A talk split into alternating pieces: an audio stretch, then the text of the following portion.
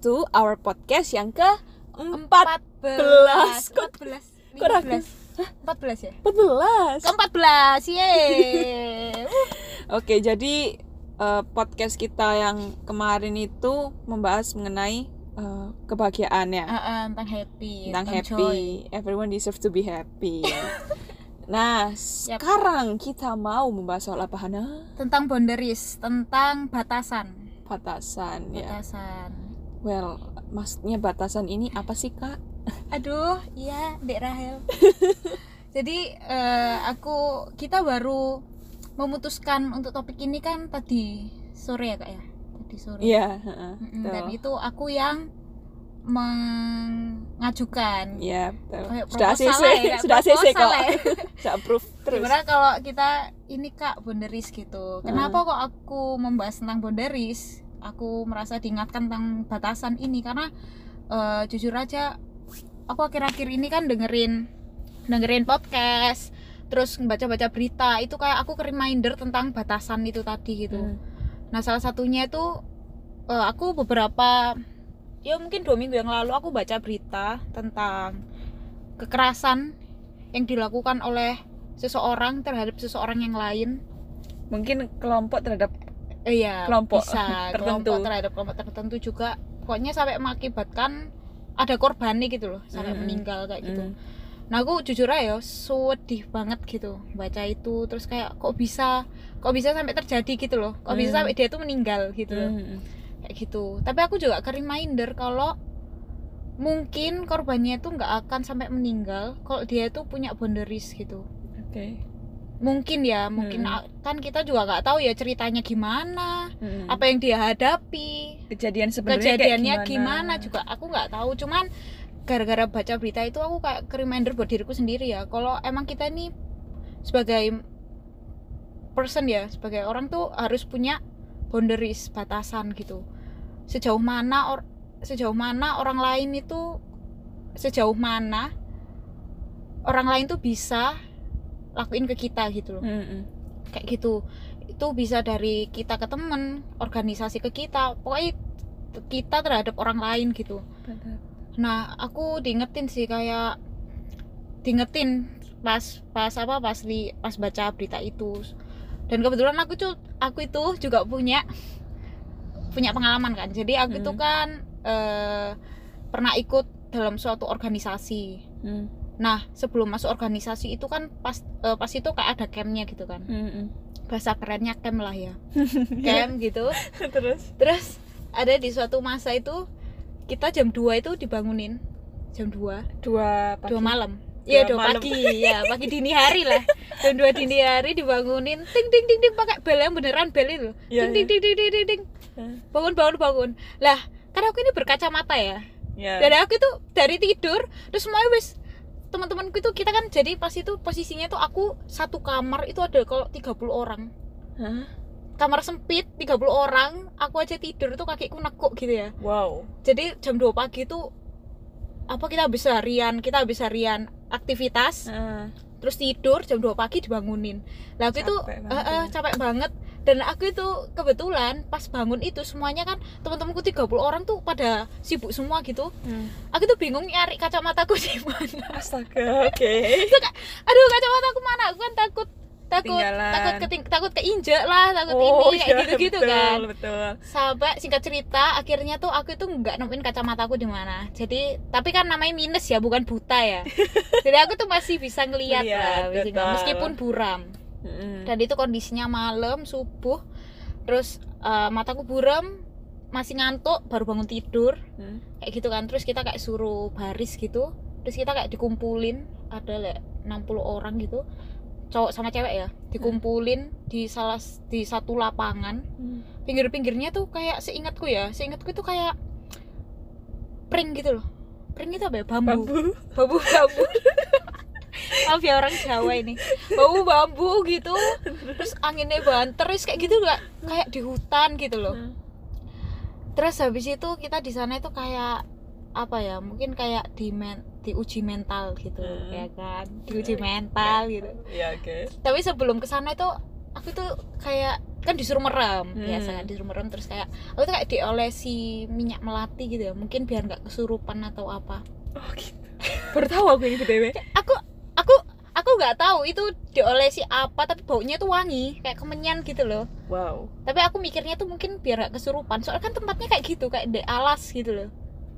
Iya, ada iya. hutan ya kan? Seharusnya kalau kayak gitu panitia dulu yang kesurupan. Kan panitianya survei nggak sih? Kayak oke. Aku nggak tahu kan pokoknya abis itu lanjut ya. Terus akhirnya tuh kayak disuruh baris. Terus aku tuh agak lupa ya di situ kita ngapain. Pokoknya diuji mental terus?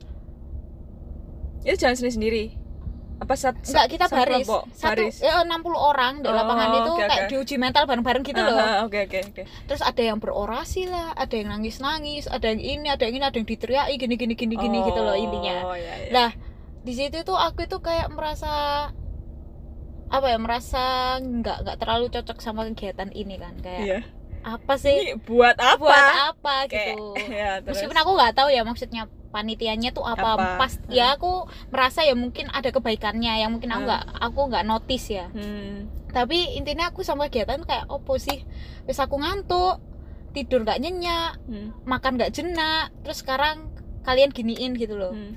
intinya aku tuh merasa agak kurang cocok terus Hmm. akhirnya salah datenglah salah satu panitia Hmm. aku di di apa jadi kayak deket banget gitu. Laki-laki loh padahal. Apa apa bau nggak? Bu relax ah. Waduh. Ini Nggak lah. iklan terus. Terus habis itu aku tuh kayak di bahasa Indonesia apa ya kalau dipisui gitu? Iya diomongi ko- eh, kata-kata kotor lah kata-kata kasar gitu. Ya kayak gitu. Terus kayak aku itu bener-bener dipisui gitu. Karena menurutku aku itu eh, tidak mendengarkan tidak mendengarkan mereka gitu. Karena mungkin mereka lagi berorasi lagi gini dia tuh mental. Aku tuh kayak apa ya aku tuh di situ pikiranku tuh kayak wes aku kependang pulang aku ngantuk gitu loh. Di jadi di situ ditutupi matanya merem apa terbuka semuanya? Ah, pas itu udah boleh melek. Oh. Udah boleh melek udah ada yang berorasi ada yang gini gini gini ada yang nangis ada yang di itu mental aku nggak tahu. Aku tuh cuman di situ cuman diem aja. Hmm. cuman diem aja. Cuman diem aja tapi mungkin kakak itu kakak kakaknya itu notice kalau aku itu kayak nolak gitu loh mungkin aku ya nggak tahu ya sikapku Hmm. ya apa pas iya. itu entah oke. ekspresiku Iya, males iya. pisan kayak gitu aku nggak Uh-huh. tahu cuman aku itu pas itu cuman diem aja Hmm. aku nggak ngelawan tapi aku juga nggak mundur aku pe ya wes ini aku merasa ini yang proses yang harus tak lewati gitu terus habis itu aku dipisui itu kan sampai bener-bener dipisui kayak lah kon gak terima kon dingin no terus dipisui lagi. Apa kon katanya nangis ah? Kayak gitu gitu kan gak sih kayak yo terus. Gini Iya, ketawa ya mas di iya. sana. Waduh aku tuh ya aku diem tok gitu. Tapi aku di situ boundariesku tuh aku ngomong dalam hati kayak ya nggak apa-apa aku diginiin. Yang penting kakak-kakak ini nggak ada yang mukul. Hmm. pertama nggak ada yang pelecehan lah. Hmm. nggak ada yang bahkan aku mikir kakak ini noyor kepalaku aja aku wis bakal berontak gitu. Mhm. karena aku dan di situ aku kayak bener-bener apa ya mikir boundariesku oke nggak apa-apa aku dipisui nggak apa-apa aku diginiin. Nggak apa-apa aku bahkan aku pas itu ya tiga hari itu Mhm. nggak mandi. Karena nggak boleh bawa sabun nggak boleh Ih. bawa nggak boleh bawa make up. Sabun aja nggak boleh apalagi make up. Terus aku kan bawa pembersih kan? Aku bawa Iya. pembersih. Soalnya kan muka aku tuh berminyak banget ya. Aku Heeh. kudu dibersihin gitu. Itu anu kan kampus oh vegan ya oke. Bu, ya beda lah beda. Oke, dah. terus habis itu? Terus pokoknya aku tuh bawa pembersih kan dan dia aku pembersihku aja kayak siapa ini yang bawa pembersih nih aku tahu loh tasnya ini dari mana. Ah, ayo ngaku nggak? Kayak gitu. Terus kayak bener-bener punya punya itu. aku ternyata. Terus aku kayak uh punya aku duk, duk. I know kayak that eh, feel eh, makanya aku inget tuh soalnya kan kita pas ke sana itu tasnya kayak dikasih nama gitu loh. Iya, jadi betul. kakaknya kan tahu ini ngambil dari mana gitu. Mm, betul ini loh punya siapa terus kayak bener-bener di apa di keluarin Ya, semuanya dipencet. dibuang, dipencet di depan kita semua terus kayak di, uh, kayak jadi bener-bener dibuang gitu. Terus habis itu, iya, kalau aku jadi ketuanya aku marah sih soalnya tuh itu sudah anu kayak ngabisin kamu merugikan orang itu Benar. meskipun kau bisa beli lagi emang dia beliin kamu Ah, ah, enggak enggak kan cukup marah Pak sebenarnya Makanya, oke terus Nah, aku mik- aku udah digituin itu aku masih terima karena itu masih belum melewati boundariesku meskipun itu menyakiti aku ya kan. hmm. Tapi itu belum melewati boundaries lah. Hmm, terus Makanya makanya aku kayak boundariesku itu itu tadi. Pokoknya jangan sampai kamu nyentuh fisikku sedikit aja. Hmm. Sedikit aja kamu nyentuh kamu melanggar batasiku ya. Aku bakal ini sih, bakal bakal bakal nolak gitu, bakal melawan gitu. Tapi untungnya di organisasi itu masih batasnya masih masih ya cuman kayak gitu belum yang sampai kayak mukul sampai ya, apa sih apa kayak cuman kayak pembulian militer iya belum belum yang sampai kayak gitu kayak gitu nah Jangan aku kayak sih. iya kalau aku itu itu sih pengalaman apa yang cukup aku inget ya akhirnya aku kayak ke reminder tentang batasan tadi apalagi disangkutin sama Hmm. berita yang aku baca itu loh Iya betul. dia itu kan kayak camp juga kan mau Hmm. masuk ke organisasi gitu terus sampai aku nggak tahu ya kejadiannya gimana dia tapi intinya sampai meninggal gitu loh berarti kan menurutku ya kalau pandangan netizen ya pasti berarti kan ada entah itu kekerasan mental kekerasan fisik, Fisik, iya heeh. sampai dia meninggal kayak gitu. Ya kok sampai meninggal tuh pasti sudah sampai fisik sih. Kan meninggal kan badannya mati. Benar fisik benar sih. makanya entah di entah itu apa yang masuk di mulut atau yang, Yang dari di- luar. eh, dia yang fisiknya dilakukan di dari luar. kera- di kekerasan fisik apa gimana? Makanya aku kayak ke reminder kayak ya mungkin organisasinya itu ya melakukan kesalahan yang pasti kan ya entah pasti. itu sistemnya dia salah perlakuannya mereka ke anggotanya salah Hmm. gimana tapi kan dari anggotanya itu sendiri harusnya eh, tetap harus punya boundaries itu tadi kayak Hmm. ceritaku itu tadi kayak aku kayak aku punya boundaries ke cuttingku itu tadi Hmm. kayak apa pokoknya batasnya sampai segini begitu melewati batas ya kita harus ngelawan kayak gitu loh Hmm. kayak gitu sih akhirnya kak reminder pentingnya boundaries gitu biar kita tahu sampai mana eh, sesuatu itu udah melewati batas batasan kita. Kalau misalnya wes ngelewati batasan ya kita akhirnya kayak lampu merah oh kita harus bertindak sekarang gitu. Hmm. sebelum sebelum itu ngerugiin kita lebih jauh kayak gitu loh. Betul. Kayak gitu sih aku reminder itu banget sih. Karena kamu eh, cerita soal organisasi Mm-mm. karena ya aku juga ada pengalaman di situ ya. Mm-mm. Eh, dan aku posisinya itu ada di keduanya. Jadi eh, orang yang di peserta itu yang dibentak-bentak dan aku juga pernah ada di posisi jadi panitianya yang harusnya bagian bentak-bentak itu Ah, ah. tapi aku nggak sampai sebentak-bentak kayak gimana gitu ya Mm-mm.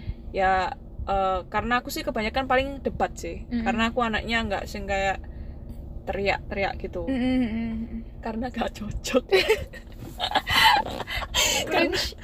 Yo, jujur ya karena aku guyonan ya saya jadi waktu jadi panitia itu waktu ngomong itu ya ngomong biasa sih Iya, iya, anak iya, ya iya, aku iya. tuh kayak kayak ngono nah Ah, eh kalau aku lihat dari dua sisi nih ya Mhm. sebenarnya harusnya itu ada mm, kerjasama Mm-mm. di antara mereka. Eh, bukan seharusnya bukan tanpa alasan seseorang atau organisasi atau kelompok melakukan acara atau kegiatan atau aktivitas tertentu. Mm-mm. Nah, yang biasanya terjadi sampai menyebabkan kerugian, Mm-mm. entah itu sampai mati ataupun kerugian uang, fisik dan mental, Mm-mm. itu adalah ketika mereka sudah lupa sama tujuan aktivitas tersebut. Mm. Nah, sebenarnya boundaries ini kalau aku lihat dari kamu cerita Mm-mm. sama pengalamanku ini, boundaries ini tuh harusnya dari dua sisi, dari dua sudut pandang itu Mm, sudut mm, pandangnya si panitia dan peserta. Ah, iya, iya. Nah, eh, kembali lagi, sebenarnya mereka itu nggak akan inget boundaries, nggak Mm. akan bahas soal boundaries Mm-mm. kalau mereka itu nggak inget tujuannya. Nah, ketika mereka ingat sama tujuan acara tersebut, mau bentak-bentak atau apa-apa, mereka sudah tahu. Oh, tujuanku eh, ingin misalkan melat- mem- kalau memang benar-benar biasanya kan orang ngomong melatih mental ya. Mm. Kalau emang benar-benar menurutmu mentalnya sudah oke ya udah. Tapi kan orang karena kebablasan, Mm. biasanya itu karena dendam, dendam pribadi. Mm-mm. Terus karena aji mumpung, paham nggak sih aji mumpung? ku benar-benar. Ada orang-orang tuh yang egonya tuh tinggi, Mm-mm. masalah di rumah apa pun itu dikeluarno semua di situ Mm-mm. karena mumpung ada kesempatan Mm-mm. kayak gitu nah sama ada motif-motif lain kadang-kadang ada kayak kata-kata aku dulu digituin masih mending kamu sekarang Ya, Nah, kayak itu. gitu sebenarnya kalau dibanding-bandingin periode dan angkatan tuh memiliki keadaan yang berbeda Mm-mm. kalau kita pakai cara yang sama bentak-bentak belum tentu itu uh, Works, Heeh, betul. benar. dan itu bekerja buat orang-orang gitu loh karena keadaannya bahkan sekarang digital kamu Hmm. Ini ya kan kamu tahu ya sekarang ya? Iya iya. Aku juga heran. Ini uh, melenceng sedikit digital. Sekarang tuh orang-orang tuh kalau uh, ospek itu ya kok masih aja? Ayo berdiri mana tuh sabuknya? Ayolah sebelahnya bapaknya not bapak ada bapaknya nodok-nodok pintu gitu kan. Maksudku kayak digital cuy. Kalau aku jadi pesertanya pura-pura tak freeze. Kayak apa gimana? Kayak mak mak mak dan menurutku kayak gak guna coy lek aku boleh bilang ya eh, sekarang uh, bukan udah bukan masanya bentak-bentak lagi mungkin masanya kamu ngasih case masalah ke mereka atau problem atau case untuk mereka pecahkan Heeh. kayak gitu mungkin loh ya ini karena kan aku Mm-mm. sekarang tidak berada di posisi seperti itu Mm-mm. Nah, eh, di sisi lain, sebenarnya kegiatan ini tuh juga ada bagusnya, Mm-mm. yaitu adalah kalau ini sesuai sama tujuannya Iya, ya, iya. yaitu untuk nyadarin kamu kalau kamu punya boundaries. Nah, Mm-mm, misalkan benar, kamu nggak pernah dibentak, kamu nanti selesai kuliah, kamu kerja, kamu eh, ketemu orang di jalan random, Mm-mm. kamu bakalan kaget, iya kaget karena eh, pas kuliah kamu nggak pernah nggak pernah dibentak sama orang atau kakak Iya. tingkat atau orang yang kamu anu itu juga akhirnya kan eh, ngasih pengalaman ya ngasih Nah, pengalaman ngasih betul. apa ya ngasih latihan mental lah Betul. benar kalau misalkan emang tujuannya benar nah dan masih lagi. sesuai dalam batasan itu tadi dan akhirnya kamu sadar kan oh lah aku dibentak aku harus ngapain gitu Heeh, heeh. aku harus berarti itu kalau yang tujuannya sesuai tujuan kan itu Betul. Itu sebenarnya dari organisasi sama eh, bukan organisasi ya, ya pokoknya dari satu dan yang lainnya itu harus harus kesadaran dari kedua belah pihak betul yang yang yang yang pihak satunya harus sadar tujuannya diginiin buat apa. Betul. Yang satunya juga harus sadar tujuan kalian menggitukan itu buat apa juga. Betul. Akhirnya kan ketika ada yang apa ada yang salah satu keluar batas kita bisa speak up. Maksudnya kayak eh, ini udah ini udah di luar tujuan loh kayak gini nih. Emang Iya. untungnya apa? Misalkan kayak gitu ya betul. Ah. dan kayak gitu tuh ya percayalah kayak gitu tuh metode kayak itu adalah salah satu metode bukan metode satu-satunya gitu. Iya kayak gitu. Jadi eh, buat organisasi-organisasi atau sekelompok orang Terus- atau eh, ya atau siapa pun lah. Komunitas-komunitas Heeh. itu nggak selalu jadi jalan yang terbaik atau metode yang terbaik sih Tergantung sama orangnya dan kamu yang pernah jadi korban yang pernah jadi gitu ya udah biasa aja aku dulu diginiin zaman sekarang enak ya nggak ada kayak gitu-gitu eh, itu bukan coy. alasan eh coy bukan beda alasan. mereka masalahnya kayak gini belum tentu lah kamu ada di posisinya mereka Heeh. juga bisa menyelesaikan masalah ini gitu aku ya jujur ya organisasiku waktu kampus itu Hmm. itu kan eh, masih melibatkan alumni jadi Hmm. meskipun kamu tuh ketua ataupun kamu tuh masih berorganisasi dan kamu bisa bikin aturanmu sendiri Heeh. kamu tuh masih ada tanggung jawab ke alumni nah yang istilahnya yang paling atas ya yang Hmm. paling suhunya dan bisa semena-mena adalah alumni Hmm. nah tapi dari situ aku belajar Heeh. kalau eh, sebenarnya komunitas ini bisa jadi lebih sehat, organisasi ini bisa Hmm. jadi lebih sehat Heeh. ketika kita ngerti boundaries yang kamu bilang tadi Mm-mm. itu. Nah, aku sekarang sebagai alumni, Mm-mm. jujur ada rasa pengen loh. Oh ya kayak nge ngebantai lah adik-adik itu kayak karena kan aku gak ada tanggung jawab apa-apa cuy. Aku Mm-mm. tinggal nuntut aja loh, kok gini? Kok gini? Tinggal gitu. Mm-mm. Nah, itu tadi tapi aku ingat tujuanku alumni ini apa gitu tujuan loh, apa batas-batasannya apa Heeh, betul Heeh. ya jangan sampai karena kegiatan-kegiatan tertentu sibuk tapi output aslinya itu loh output atau tujuan aslinya tuh sampai lupa eh, itu salah Mm-mm. besar lupa sih. tujuan awal karena terlalu sibuk sama hal-hal perintil-perintilan iya Mm-mm. yang sebenarnya nggak nggak nggak Mm. terlalu prioritas lah nggak terlalu nggak penting terlalu nganterin kita ke tujuan awal itu tadi Iya, betul.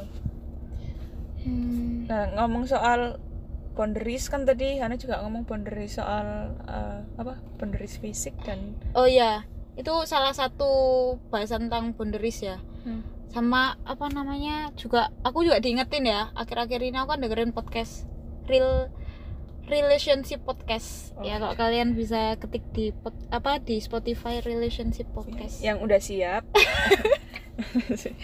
keren sih keren keren kakak kakak coba buka juga itu bagus sih Iya, apa relationship relationship podcast, podcast. Oke. Ha-ha, nah di situ aku tuh kebetulan ya aku habis ke reminder itu Hmm. baca tentang eh, apa baca berita kayak gitu-gitu terus aku tiba-tiba dengerin podcast aku tuh baru nemuin podcast itu dan aku pertama kali nyet eh, muter salah satu episode di podcast itu langsung tentang boundaries juga tapi boundaries dalam relationship Hmm. jadi podcast itu kayak bahas tentang relationship gitu jadi tentang pacaran batasan terus kayak pacaran tuh apa tujuan apa kayak gitu gitulah Keren, keren. Jadi siapa Han? Siapa Han? Kok nggak cerita nih Han? Aduh, yang itu ya, yang A, iya A iya ya. ah, ah, ah. kok A sih Gak tau kan kan Z Z itu maksudnya Zain Malik. Waduh, oh, kak Jiji putus gara-gara kamu orang ketiganya. terus terus. Ah, kayak gitu kan dan itu di situ tuh bahas tentang boundaries gitu dan di podcast itu itu bahas tentang dua boundaries Eh, dalam pacaran. Eh, boundaries physical boundaries yang inilah ini kayak topik yang itu banget ya relate banget kan maksudnya.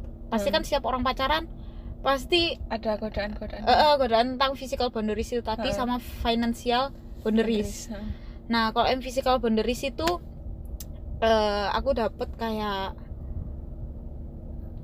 eh dapet aku masih mikir kata-kata yang nggak belibet Iya, iya. Nah, kita kan belajar ya. Iya. Oke, untuk Hana tiga tahun mendatang, ini Hananya lagi belajar. Semoga tiga tahun mendatang kamu udah nggak belibet ya Han jadi kayak Amin. Terus. jadi di situ intinya kayak nggak apa di di kita di agama kita Hmm. itu nggak dijelaskan secara spesifik kayak boundariesnya sampai sini gitu kan nggak Hmm. ada kan gitu. Iya betul. yang secara nentuin spesifik. ha- yang nentuin kan kita Iya kayak betul, gitu. betul betul betul. nentuin kita sejauh mana physical boundaries itu boleh dilakuin dan tidak boleh dilakuin itu kan kita yang nentuin sama Hmm. pasangan kita perjanjian gitu kan saling terbuka Hmm. Nah, tapi alangkah lebih baiknya itu pas physical boundariesnya itu sampai ya itu terserah kalian ya tapi sampai eh ba- fi- batasan fisik yang bisa kalian lakuin ya gini ya guys. Jadi eh, ceritanya ini eh, Hana kan lagi persiapan gitu loh guys. Jadi eh, masuk saking menghayatinya. Tunggu pengalaman dulu gitu maksudnya nggak apa-apa. Ini berbagi ya, berbagi dulu terus. intinya tuh physical boundariesnya tuh sampai kalian kok misalkan ya Kak Rahel sama yang Ya. si gondrong itu Aduh, aduh, tambah dibuka. Ayo siapa ya terus? itu nggak misalkan gandengan tangan aja udah udah apa udah Paling udah paling physical bisa, touch. eh, bisa keterusan gitu Hmm. ya berarti emang ya berarti nggak usah gandengan tangan Oh. kayak gitu loh kalau misalkan gandengan tangan masih baik-baik aja Hmm. masih ya wes ya berarti biasa aja gitu ya, maksudnya. masih biasa aja masih nggak ada yang sesuatu oh, yang bisa, bikin eh, eh, mengacu bikin- ke lain-lainnya gitu eh, eh, maksudnya. kayak gitu berarti ya berarti batasannya sampai ke- gandengan tangan gitu. Kok misalkan Oh. kan ada orang itu yang kayak gandengan tangan nggak apa-apa. Tapi kok begitu di pegang pinggangnya wis Udah kayak deg deg deg deg itu berarti kamu udah melewati batas. Berarti nggak boleh besok lagi pe- oh, kan pegang pinggang. Berarti see. cuman sampai gandengan tangan kayak gitu loh.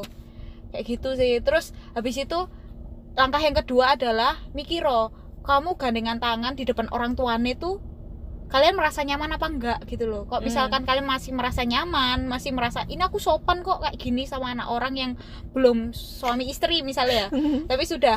Ma- tapi gandengan tangan ini nggak apa-apa orang tuanya juga melihat itu juga nggak apa-apa. Terbuka. ya wes berarti ya nggak apa-apa gitu loh. Ya, ya. jadi kayak kayak gitu sih. Sama financial boundaries kan. Ah, kok financial boundaries itu kayak misalnya pas lagi makan ah.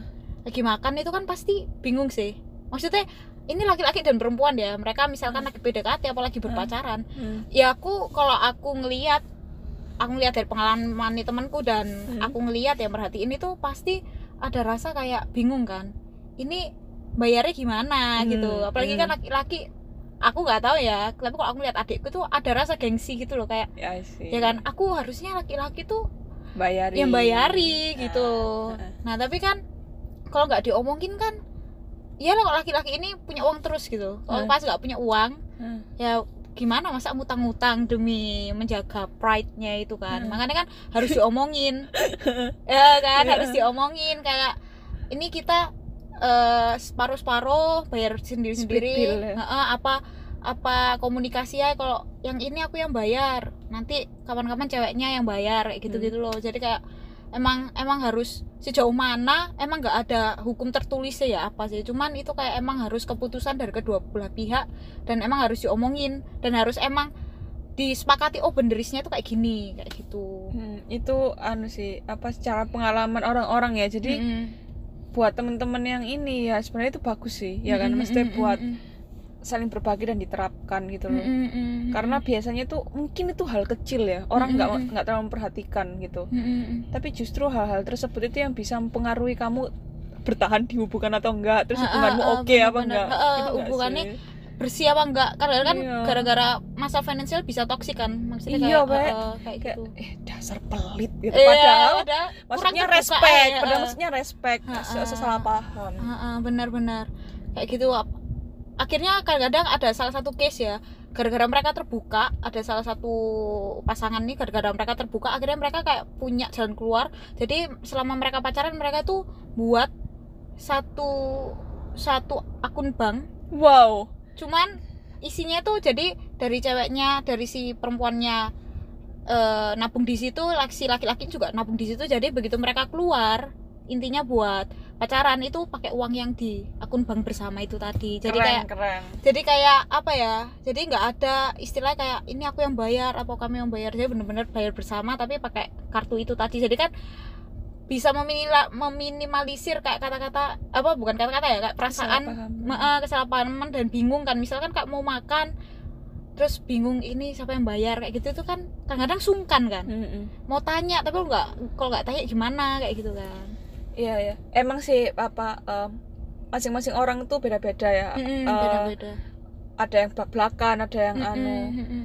Cuma eh, kebanyakan orang, apalagi pas awal-awal sih kayak PDKT Ha, itu pasti ah, udah kayak bingung gitu ya. sih. Kecuali emang kalau udah berapa lama udah plek plek kayak konco plek ngono. Nah, aku tuh pernah denger itu Pak soal ini tuh di teman tapi menikah, tahu nggak sih sing siapa tuh namanya? tahu tahu Teman tapi menikah itu loh yang tahu ada lagunya juga guys Iya iya itu. Ha. Nah, dia eh, yang cewek ini bilang sebenarnya kalau kayak gitu tuh hubungannya malah perlu dipertanyakan gitu loh. Soalnya kayak kamu ngapain kok kayak sungkan-sungkan ya udah ngomong aja bak.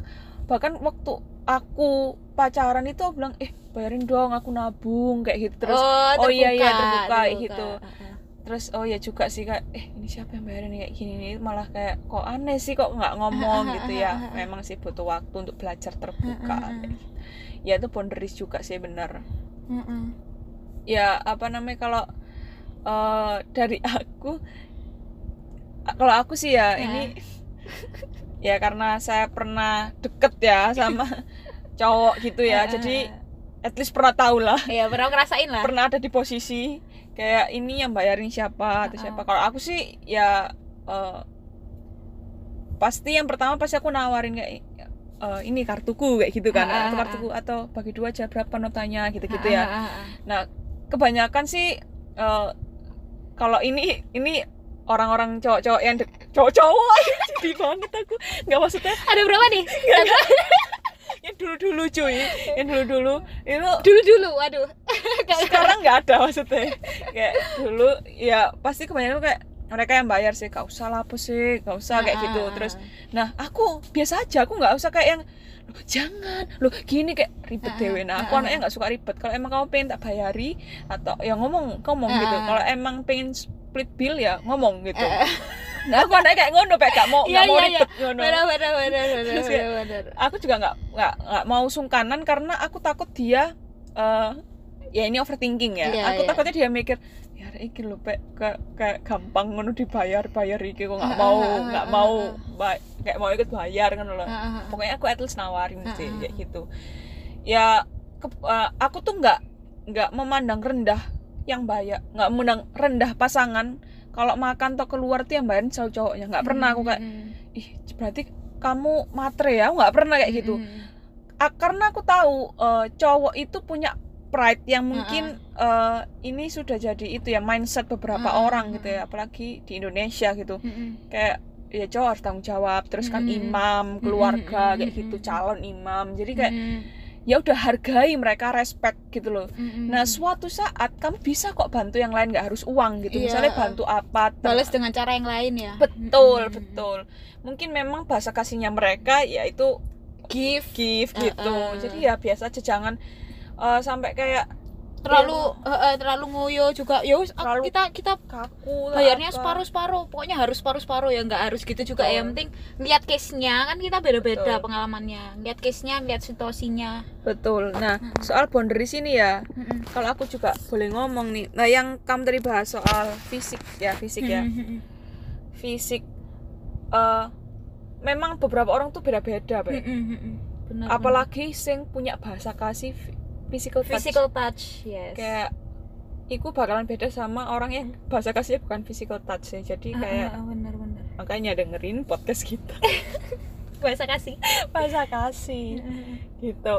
Nah terus soal boundaries juga eh memang sometimes kita itu lah menurutku ya ini menurutku sih harus keluar dari batas itu Mbak. karena kalau kamu nggak entah itu dipancing atau entah inisiatifmu sendiri Mm-mm. atau entah itu karena eh, nggak apa secara kebetulan Mm-mm. Nah, karena itu kenapa? Karena itu yang bikin kamu tahu, sadar batasmu harus itu ini. Kamu nggak Mm-mm. boleh segini. Mm-mm. Akhirnya kamu punya batas baru, terus kamu bisa nentuin ke depannya kamu gimana kayak gitu. Mm-mm, mm-mm. Karena se- kamu pernah cerita kok yang soal kamu sama adikmu. Aku tuh terkenal. Kamu bilang oh ya kalau aku Han- suka suka peluk suka Nggak, kamu bilang kalau kamu tuh anaknya yang bener-bener aman gitu loh. oh Eh, kamu tuh gak pernah yang kayak nakal di luar batas di luar batas. Ah, ah, ah. Nah, eh, tapi kamu ini anaknya kayak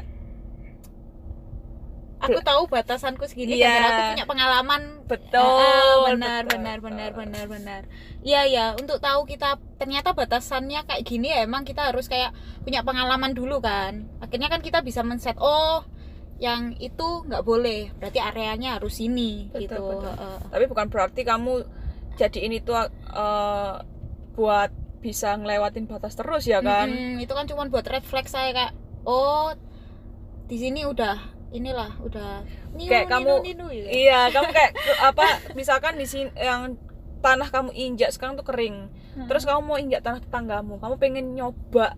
Bener nggak sih tanah tetanggamu tuh eh, basah atau lebih becek?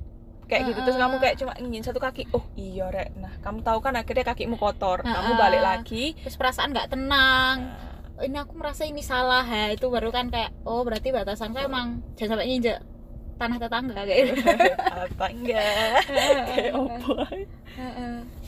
oke gitu dan aku ini saya keinget ya Hmm. ini boundaries ya ini ini pengakuan ya aku ke Kak Rahel Iya. apa pengakuan dosa Kenapa? bukan pengakuan dosa juga sih kayak ya Anak. aku ini ya kan aku sama Kak Rahel kan udah beberapa kali lah ke Surabaya Iya. ya kan Hmm. terus selama ini nih gengs Kak Rahel tuh selalu bayar aku makan. Oke terus apa? padahal ya padahal yang jemput aku itu Kak Rahel. Eh, pakai mobilnya Kak Rahel lah. Intinya kayak akhirnya kan semua kayak dari uang parkir apa apa itu kan Kak Rahel uang tol kayak gitu gitu kan. Detail ya terus.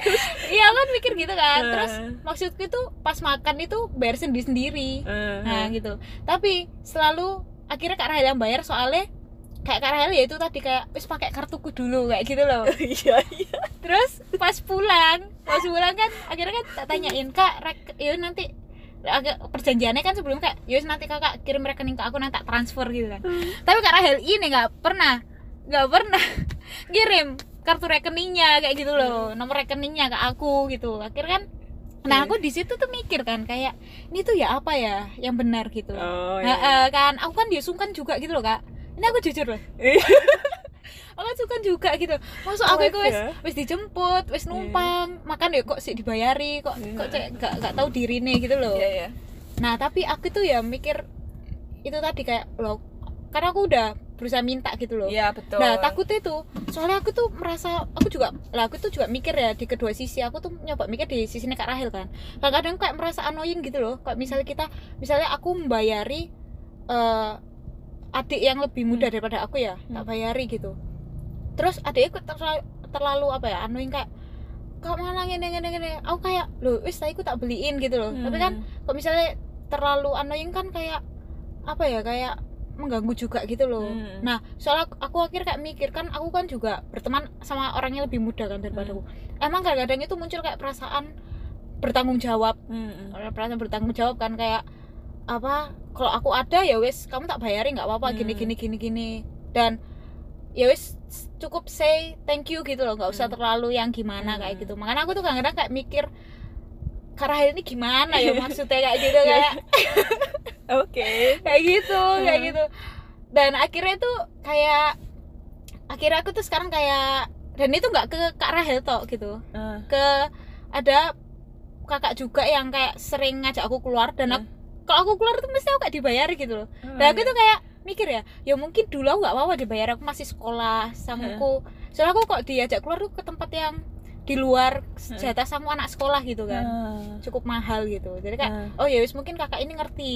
Aku Hmm. masih sekolah tapi diajak tempat ini yo dia bertanggung jawab Hmm. bayarin ini tadi gitu Hmm, kan. Hmm. dan emang kita ini nggak yang cuman meet up tok, tapi kayak emang ada keperluan gitu loh Ah, ah. cuman kan sekarang aku udah bekerja gitu kan ya aku nggak apa-apa maksud aku bayar sendiri gitu tapi Hmm. tetap dibayarin gitu Iya, iya, betul, dan betul. tapi aku tuh kayak merasa kayak oh ya wis nggak apa-apa gitu Hmm. maksudnya ya mungkin ada rasa tanggung jawab dari kakak ini tadi dan aku yang nggak nggak terlalu mau terlalu annoying gitu loh Iya. tapi aku bisa bahas dengan cara yang lain Iya, kayak betul, kakak, betul. kakak bilang nggak harus dengan uang juga entah dari Betul. kalau kakaknya butuh bantuan aku waktu kayak gini dia kan, eh, kayak gitu I'm I'm lonely gitu kan kayaknya aku nawarin di luar jangan di rumah. Sama aja kayak aku pulang tiap hari ke rumah gitu kan. Heeh, kayak gitu sih. Ya, ini podcast tapi sekalian terbuka karena keterbukaan adalah awal dari pemulihan. Oh, itu nomor berapa? Yuk tiga. Dua nggak tahu ya ya itu kalau dari kakak gimana? Kalau- meresponi dari keterbukaanku. Saya respon ya biar tahu uh, uh, point of view Iya, dari iya, iya, iya. saya jadi pertama dulu tuh aku tuh sering banget uh, dibayarin orang. Aku di Ah, posisi kayak dibayarin orang terus lah ah, pokoknya. Ah, ah, ah. nah aku tuh pernah uh, aku nggak tahu ya ini cuma aku atau banyak orang. Iya. Aku tuh berpikir aku besok pokoknya pengen jadi kayak mereka yang bayarin temen-temenku oh pokoknya besok lah temen aku yang bayarin gitu Mm, mm, mm, kan mm. itu motivasi biar maksudnya aku tuh uh, bisa ngasih sesuatu gitu loh ah, ah, ah. nah ini yang namanya pemberian kamu ngasih kamu seharusnya kan lebih kalong sih Mm, mm, mm. berkurang tapi harusnya kak kamu tuh sedih rugi tapi kamu malah seneng nah itu loh Ah, ah, aku tuh ah. pengen ngerasain itu gitu nah Mm, mm, mm. itu yang ada pertama. kepuasan dari memberi itu tadi ya? Betul mm. banget. Terus yang kedua uh, salah satu bahasa kasihku itu sih. Mm, mm. buktinya aja kalau dan itu bahasa permintaan maaf ya? Bahasa maaf ya? Iya eh, kakak juga. Bahasa penyesalan lah Bah- bahasa penyesalan. Mm, mm. kalau aku salah ambil orang aku tuh mesti kayak kamu mau makan apa minum apa? gitu. Ah, ah. mesti aku mesti pernah ada satu kisah aku nawarin orang sampai kayak apa? Aku soalnya salah Ah, no ah, wis apa? gitu. Dan itu juga bahasa kasihku ngasih orang kan buktinya kemarin aku juga beliin orang lain gitu kan. ah, ah, ah, benar-benar. gitu itu bahasa kasihku Mm, mm, terus mm. yang ketiga ya itu sama kayak kamu Mm, mm. ya thank God ada orang yang berpikiran kayak gitu Mm, mm. aku nggak mau annoying Mm, mm. karena aku wis dikasih mungkin tuh tang merasa tanggung jawab gitu iya eh. karena nggak semua orang kan kayak gituan ah, ah. karena ada uh, orang juga yang aku pernah di posisi kayak aku ngasih dia Mhm. gitu ya. Tapi kamu tahu yang terjadi di aku malah kayak nggak merasa dihargai nggak respect. Oh iya karena kayak ayolah eh, kamu dikasih kok tambah eh, kayak gak berharga gitu loh paham gak sih? Kayak Ah, ah, loh nggak usah nggak usah. Lo nanti kamu buat kamu apa? Lo nggak usah. Aku sudah ada kok aku sudah ada. Padahal kita tuh belum tahu kok dia tuh nggak punya anggapannya gitu loh ah, kayak kita ki mau ya udahlah terima aja gitu loh. bilang makasih. Iya kayak gitu. Dan kamu makan atau kamu pakai Mm-mm. sesuai kebutuhanmu itu buat yang ngasih ini seneng gitu kan. Betul. Ah, ah, ya tapi dari situ akhirnya aku paham sih. Mm-mm. makanya kalau aku dikasih orang Mm-mm. kayak aku bilang makasih. Iya iya. Mungkin kebanyakan aku nggak tahu ya. Kayaknya kebanyakan orang lek misalnya ngerti aku ya. Lah aku dikasih orang aku langsung iya iya iya ae makasih makasih ae. Kau sing kayak "Loh, gak usah nolak apa gitu. Ya mungkin awal tapi nggak sing kayak "Eh, nggak usah nggak usah Nah, ya ya dikasih cuy. Iya iya siapa iya. yang nggak mau cuy. Iya, iya, ya iya. itu sih. Iya bener, makanya aku tuh coba mikir dari situ, oh mungkin Kak Rahel ini ini bahasa kasihnya juga aku ingat. Hmm, iya, oh Kak Rahel kan emang suka ngasih, maksudnya gift kan, kayak gitu suka ngadu, suka ngasih gitu. Ya wes lah, aku tak anggap ini bahasa kasih Kak Rahel, terus juga Hmm. ada rasa tanggung jawab Kak Rahel mungkin sebagai kakak atau juga ternyata Kak Rahel melakukan itu karena Kak Rahel dulu juga digituin gitu kan sama kakak-kakak yang dulu kayak gitu. Mm-mm. Karena aku sekarang kayak lebih paham sih, makanya ya aku cukup kayak tanya Kak gimana ini ya iya. kalau Kak Rahel udah udah nggak ngasih kabar ya udah aku bilang makasih gitu. Tapi Jadi aku kayak, respect banget sih kayak soalnya kan ada orang yang kayak ya udah diem aja kayak iya iya kayak iya iya. tetap tetap harus memakasih lah ya. Iya betul harus. Soalnya aku juga punya pengalaman kan. Jadi aku tuh dibantu tugasku lah sama orang gitu ya. Hmm. nah untuk sebagai ucapan terima kasih aku tuh kayak kepingin memberikan sesuatu. Hmm. Nah, aku tuh tahu orang itu tuh suka boba misalkan ya. Mhm. akhirnya tak beliin boba. Hmm. Aku makasih. Dan aku bilangnya tuh kayak eh ini tak beliin boba. Aku makasih ya karena kemarin kamu sudah bantuin aku ini. Aku merasa terbantu soalnya kalau aku kemarin nggak nggak kamu bantu aku bakalan kesusahan gini gini gini gini. Intinya aku tuh ngasih tuh nggak semena-mena ngasih tapi aku tuh ada alasan. Aku tuh say Iya. thank you gara-gara kemarin gitu. Gara-gara apa yang udah kamu lakuin ke aku gitu. Aku Mhm. makasih banget gitu. Hmm. tapi kakak tahu dong yang dia lakuin itu apa? dia tuh bayar balik apa yang tak kasih eh ini harganya berapa? Aku aku nggak mau aku nggak mau dikasih. Terus dia bilang loh kok- terus aku kan bilang wes ini aku ini aku tulus kok gak maksudnya ini buat buat buat kamu gitu. Terus kayak ada aku akhir kakak tahu dia tuh buka HP terus dia itu kayak lihat ini merek apa terus kayak dia cariin harganya terus dia bayar sesuai sama yang dia lihat di HP itu. Aku menurutku tuh annoying sih kayak astaga. Gak respect maksudnya nggak ya respect. kan? benar Iya, benar. Padahal maksudnya kita nih baik gitu loh. Maksudnya bukan maksudnya kita baik ya maksudnya dia pun ya baik kan maksudnya nggak mau merepoti kita atau apa. akhirnya jadinya tuh salah Tapi- paham menurut dia itu baik padahal itu iya malah tapi hurts. ha- ha- makanya kan kayak kadang ada satu case yang ya kita cukup bilang makasih dan balas balas dengan hal yang lain gitu loh. Iya pak. Jangan Betul, bersikap betul. annoying lah aku menurut kayak annoying gitu. Ya say thank you aja gitu. Makanya kayak iya pak. Dan aku bayangin aku juga pernah di posisi itu. Aku tuh kayak ngasih tapi kamu tau ngasih itu ambek mangkel. Tau nggak? Bayang ngasih ambek mangkel ini apa ini? Tapi ikhlas aku ya apa ini? Ya ngasih tapi mangkal tapi ikhlas waduh. Gini, perpaduannya nggak match ya. Jadi kayak Duh, iya nggak apa-apa nggak apa-apa. Aku ikhlas ikhlas kok. Terimaan ya please terimaan. Ikhlas tapi nggak. Bener aku sampai ngasih ke orang ini ya. Misalnya Hmm. orang ini tuh emang tipe-tipe kayak gitu. Like misalnya aku tahu emang tipe-tipe orang yang annoying gitu Ah. nah aku mesti ngasih aku dari awal tegas Hmm. wis udah ya wis buat kamu Nggak nggak usah. "Loh, nggak usah nggak usah ini nggak usah wes dimoy terima Nah.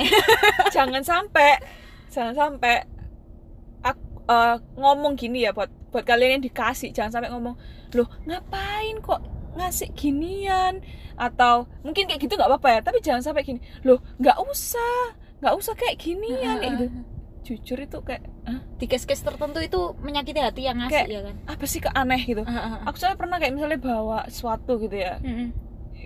aku bawa kue Hmm. terus buat bareng-bareng nih Ha, ha, cuy ha. buat temen temen-temenku gitu kan terus ada satu orang nih terus loh ya ampun ngapain sih gak usah gak usah gak usah bawa ginian padahal kan bukan buat Yatok gitu loh maksudnya Ha. buat orang-orang yang lainnya gitu loh Hmm.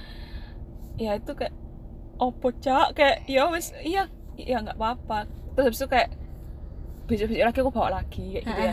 Terus ya namanya bahasa kasihku ya aku Iya. suka ngasih gitu. Cuma karena satu orang ini ya.